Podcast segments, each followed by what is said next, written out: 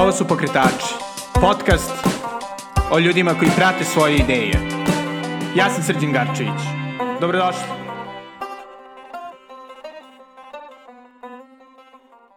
Dobrodošli u novu epizodu Pokretača.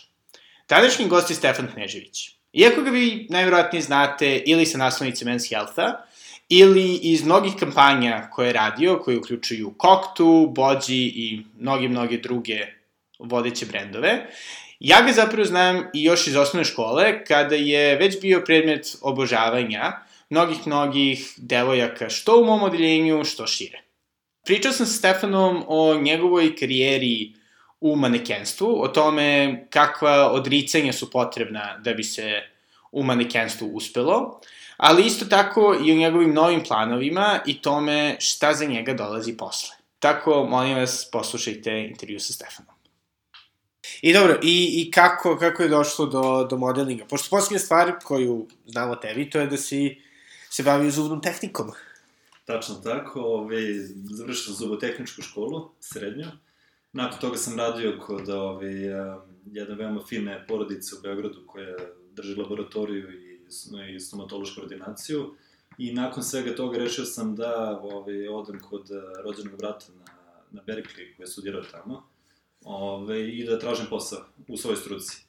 Naravno, s obzirom da Amerika nije, nije zemlja gde se tek tako, upada, tek tako lako upada u medicinske krugove, ove, um, jednom prilikom, sam, u stvari došao sam do mogućnosti da, da radim u svojoj struci i dok sam čekao papirologiju za sve to, ja sam se vratio za Srbiju i naravno ove, došao do Human Resource, sve to koji su rekli stani dečko, ti sa 22 godine ne možeš, ovaj, ne možemo tek tako da damo papirologiju koja je tebi potrebna.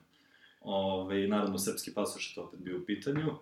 I dok se sve to čekalo i dok, se, dok je bio onako trnovit ceo taj put, ove, meni su, obratili su mi se dve dobre drugarice ove, iz Beograda, koje su mi predložile da počnem da se bavim modelingom. To jest da me je skautovao i da me video jedan ovaj, gospodin i današnji dobri prijatelj iz agencije od iz Beograda.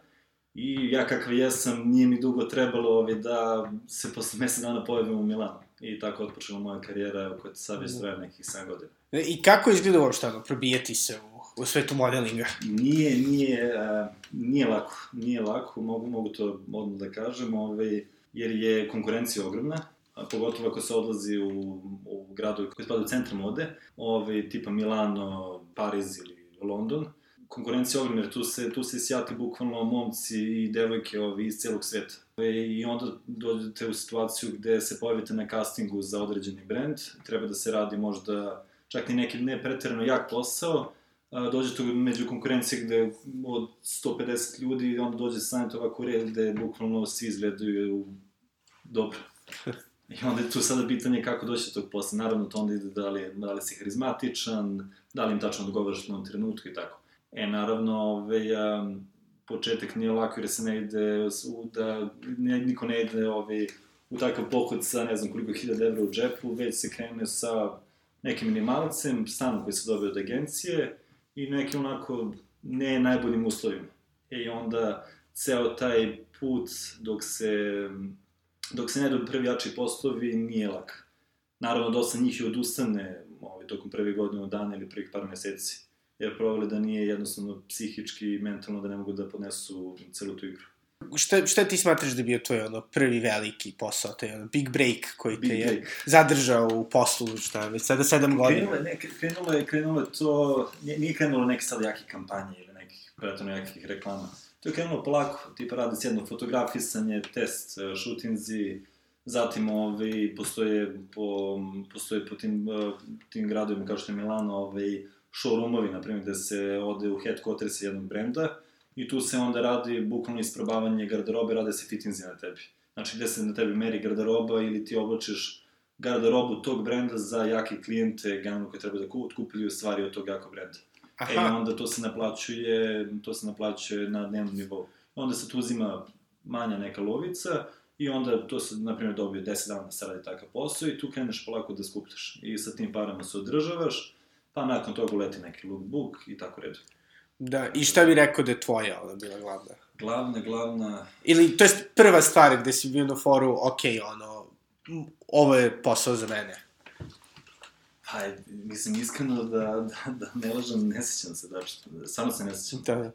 To je nekako kre, krenulo sve, tako sitni neki poslići, lookbookovi, kam, katalozi, ali ne znam, tek je, nakon, tek je nakon dve, tri godine sam ja počeo da dobijam neko zbiljnije kataloge, tipa Bođi ili da radim neku jaču reviju, Armando Šerevino, Diesel ili slično tome. Onda, ovo, naravno, ja se posle par meseci vratim za Srbiju, onda se ovde nakupim opet energije, pa opet odem u novi pohod na par meseci. Pošto ono, non stop slušamo o devojkama, nekinkama, kako se non stop ono izgladnjuju, ne znam, uredi u teretanu, kako izgleda ono dan. Dan. Jednog Modela. Dan jednog modela. Pa, opet ne može, ne može da se generalizuje, jer to zavisi sve od osobe do osobe. Ima momaka i devojaka koji su u tome maksimalno posvećeni ujutru idu na trčanje, zdrava ishrana, a, možda popodne uče za školu generalno, koji su, ili studije koje imaju u svojoj zemlji, a ima li i drugih tipova ili devojaka koji jednostavno vole noćni život, pa nekako genetsko imaju predispoziciju da se to ne odražava tako na njih. Tako da ga opet kaže, ne može se to da, ne može da se generalizuje. Da, da, kako je tebi bilo, jel si ono, Ja sam... morao na dijetu ili... Ne, ne, daleko od toga. Daleko od toga, ovaj, a, za, za muški model je dosta jednostavnije, ovaj, jer je... A, nije, niko te ne uslovljava nešto preterano kako, znači ko bi trebalo da ti je obim struka ili, ne znam, frizure i tako. Daju ti neke hintove koje bi trebalo da pratiš, ali dosta je to na tebi. A, što se tiče mene, ne znam, ja sam, ja sam imao Uh, nakon što se vratio iz Amerike, ovi, ja sam počeo da se bavim free climbingom i, ne znam, kroz ceo taj sport koji je dosta zahtevan, uh, nema nešto pretvoreno mesta za, za, mislim, da kažem, za masni nasligani čudesima i onda automatski sam nekako upao u, ovi, opisnu figuru, znaš, koja me je za tako nešto. Aha. Tako da ni, nikada, ja lično nikada nisam posvetio pretredno pažnje kao zbog modelinga da mora da imaju takav i takav. Da. I dobro, i u- ono, tim, da kažem, prvim godinama modelinga, šta ti je nekako bilo najbolje u svemu tome? Pa upoznavanje, upoznavanje različitih vrsta ljudi, upoznavanje različitih gradova.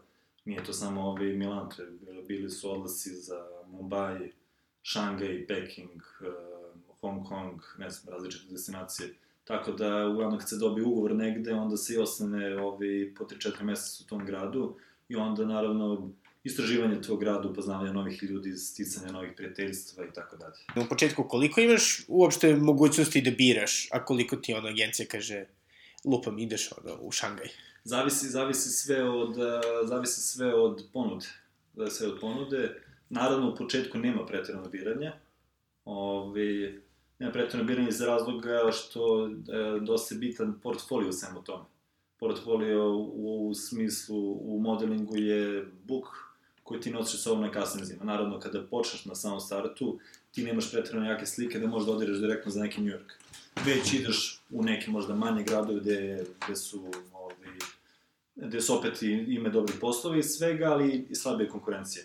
Tako da, ja mislim, tebi agencija tu više predodredi grad u odnosu na tebi tvoj status u tom trenutku. I znači, onda si kroz nakupljenje buka, uspeo da dođeš do, sada si Da, da, došao stopu u sam. Milanu, Da. da, No, Milan, Milano mi je uglavnom bila destinacija koju sam, zašto je najbliža Beogradu i tamo sam putovao zadnjih već šest godina redovno ga posećam. Hvatao sam krivine, naravno, ka drugim gradovima, ovaj sem, ali on mi je nekako tu i uvek bio. okej, i znači ono, putovanja, super, zezanje, žurke, pretpostavljam da toga bilo. Bilo je, naravno. naravno. Da. Šta bi rekao da ti je tu bilo najteže? Najteže? Uh, pa... Ne, ja, ja mislim da taj početak u suštini, tih, tih prvih par godina dok, dok nisam a, mentalno, dok se nisam mentalno stabilizovao svemu tome. Jer opet kažem, nije, nije jednostavno i odvojiti se od svojih voljenih, biti tamo izložen ovaj, u nekim stranim sad zemljama i provoditi vremena sa ljudima s kojima verovatno ne bi u životu provodio vremena. Tako da to sve utiče na psihu u jednom trenutku. Ove, ali opet to prilagođavanje mogu da kažem da mi je bilo ove, najproblematičnije.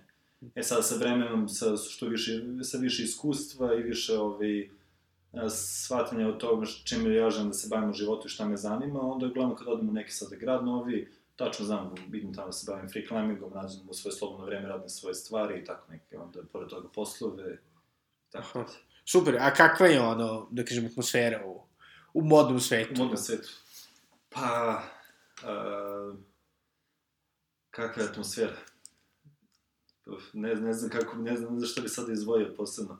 Pa da, Ovaj, ono, jel postoji kolegijalnosti među modelima? A, pa ni ne toliko, iskreno. Ja mislim da tu više, više lada ove, zavist. Tipa, Aha. ti si dobio posao, ja nisam dobio posao. Ima, ja mislim, toga dosta.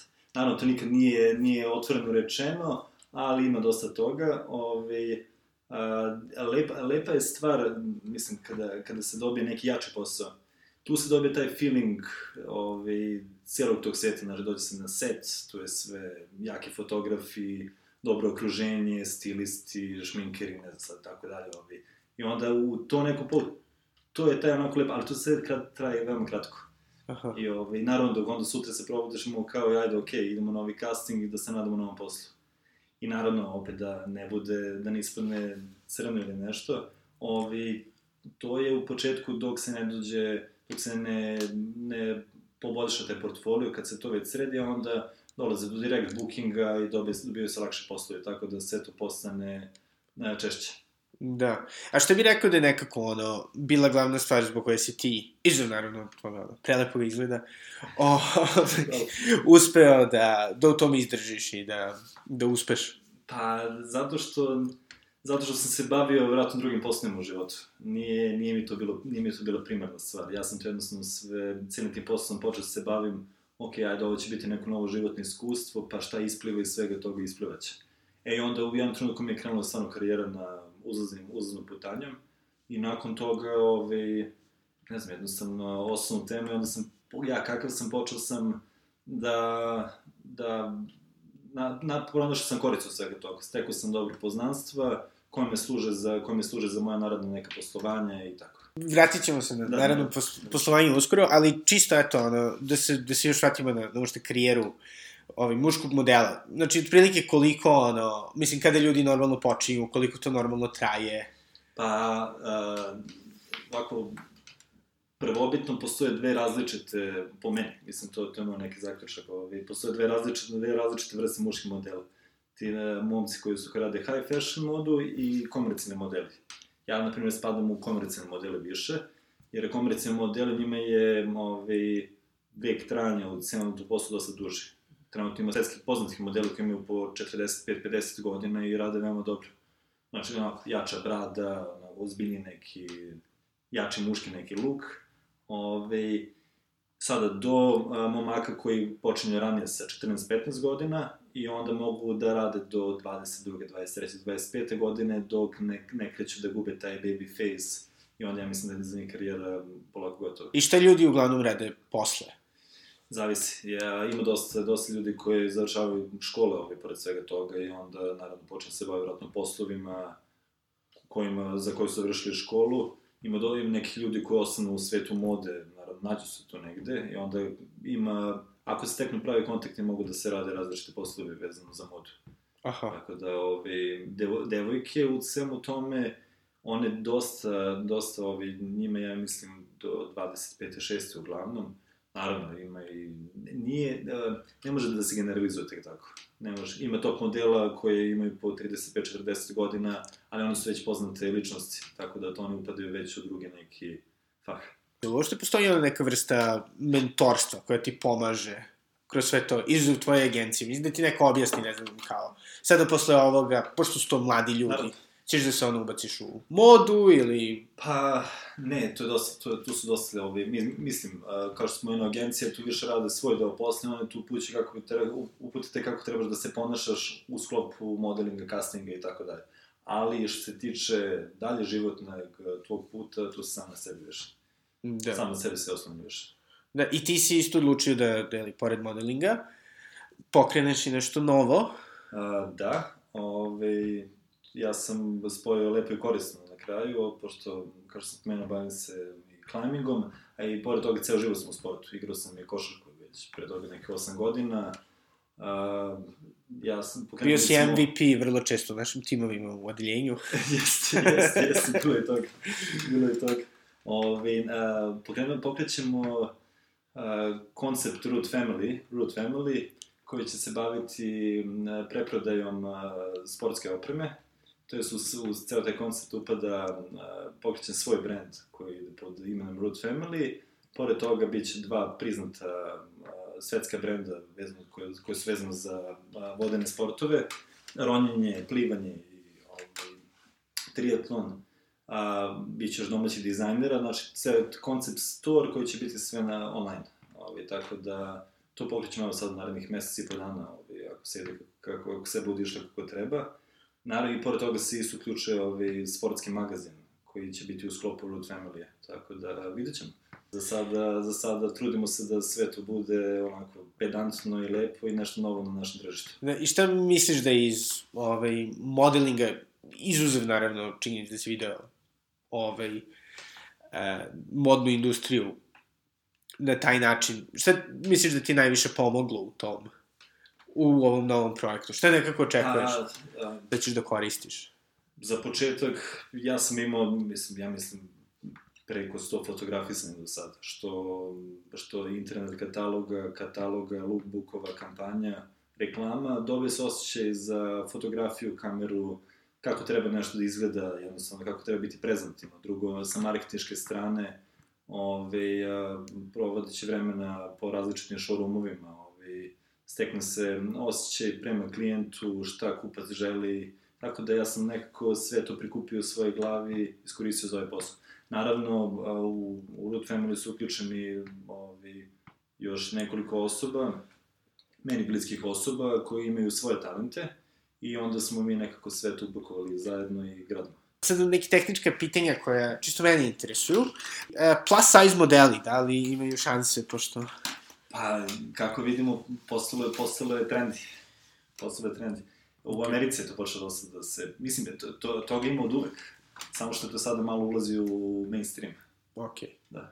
Ulazi u mainstream. Ja, ja generalno po Evropi za, za to nisam toliko čuo, ali ja mislim da to sve potiče iz Amerike generalno. Mm, Dobro, super. Znači tamo, ono, da idem do Walmarta, da im dam svoj portfolio.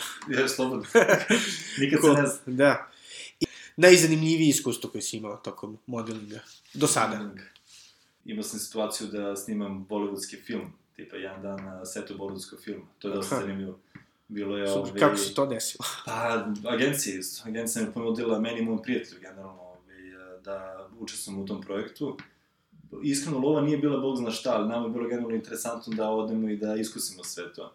I naravno, u poređenju, na primjer, na Evropu ili Srbiju ili nebitno gde, gde god da se radi nešto, ako na setu kod nas ima tipa 50 ljudi ili 100 ljudi, u Bollywoodu setu ima 550 ljudi do 1000. Ja mislim da to bio neki ljubavni onako bollywoodski film. Neka bila je, meni su te kasnije rekli da je neka ozbiljna bollywoodska zvezda bila u pitanju. Aha. Devojka koja je generalno sedela pored mene, mi smo bili na neki velikim svadbarskim stolom.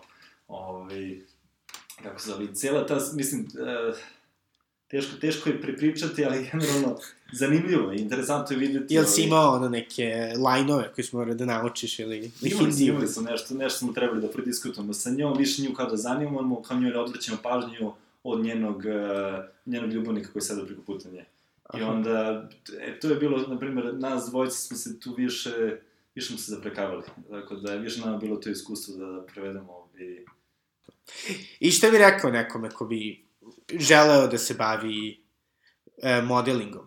Koji bi bio, recimo, jedan savjet koji bi voleo da si čuo kada si ti kretao sa 22 godine? Pa da se naružate strpljenjem. Stvarno da se naružate strpljenjem, jer treba biti iskren u svemu tome i gurati, ovi, samo treba gurati. Jer, eh, kao, kao što sam spomenuo ranije, prođe par godina gde, ovi misle par godina, nekima manje, nekima više, dok ne dođu na neke, dok ne su na svoje baš noge u svemu tome. Da. Znači, dok su, da su finansijski stabilni u celom to poslu i da mogu da opstanu da nadalje da gure taj posao. Da. Jel bi rekao da si imao neke uzore u, koje si stekao tokom bavljenja modelingom? Pa i ne baš, iskreno. I, a, i ne baš, jer a, nikad nisam bio tip baš koji je pratio modnu scenu do te mere. Uvijek sam gledao svoje poslove i svoj put. Tako da, ovaj, radit ću naravno i bavit ću se ovim poslom i dalje dok sve to bude funkcionisalo. Ali ovaj, neke sada uzore nisam, nisam baš imao. Nije da sam imao neku svetsku top modela koji sam sad na koga sam se ugledao. Da. Ovaj, ne znam, od uvijek zanimala i film i gluma, ali ja mislim da u tvojom životu neće, ovaj, ne, neću, neću pokušavati.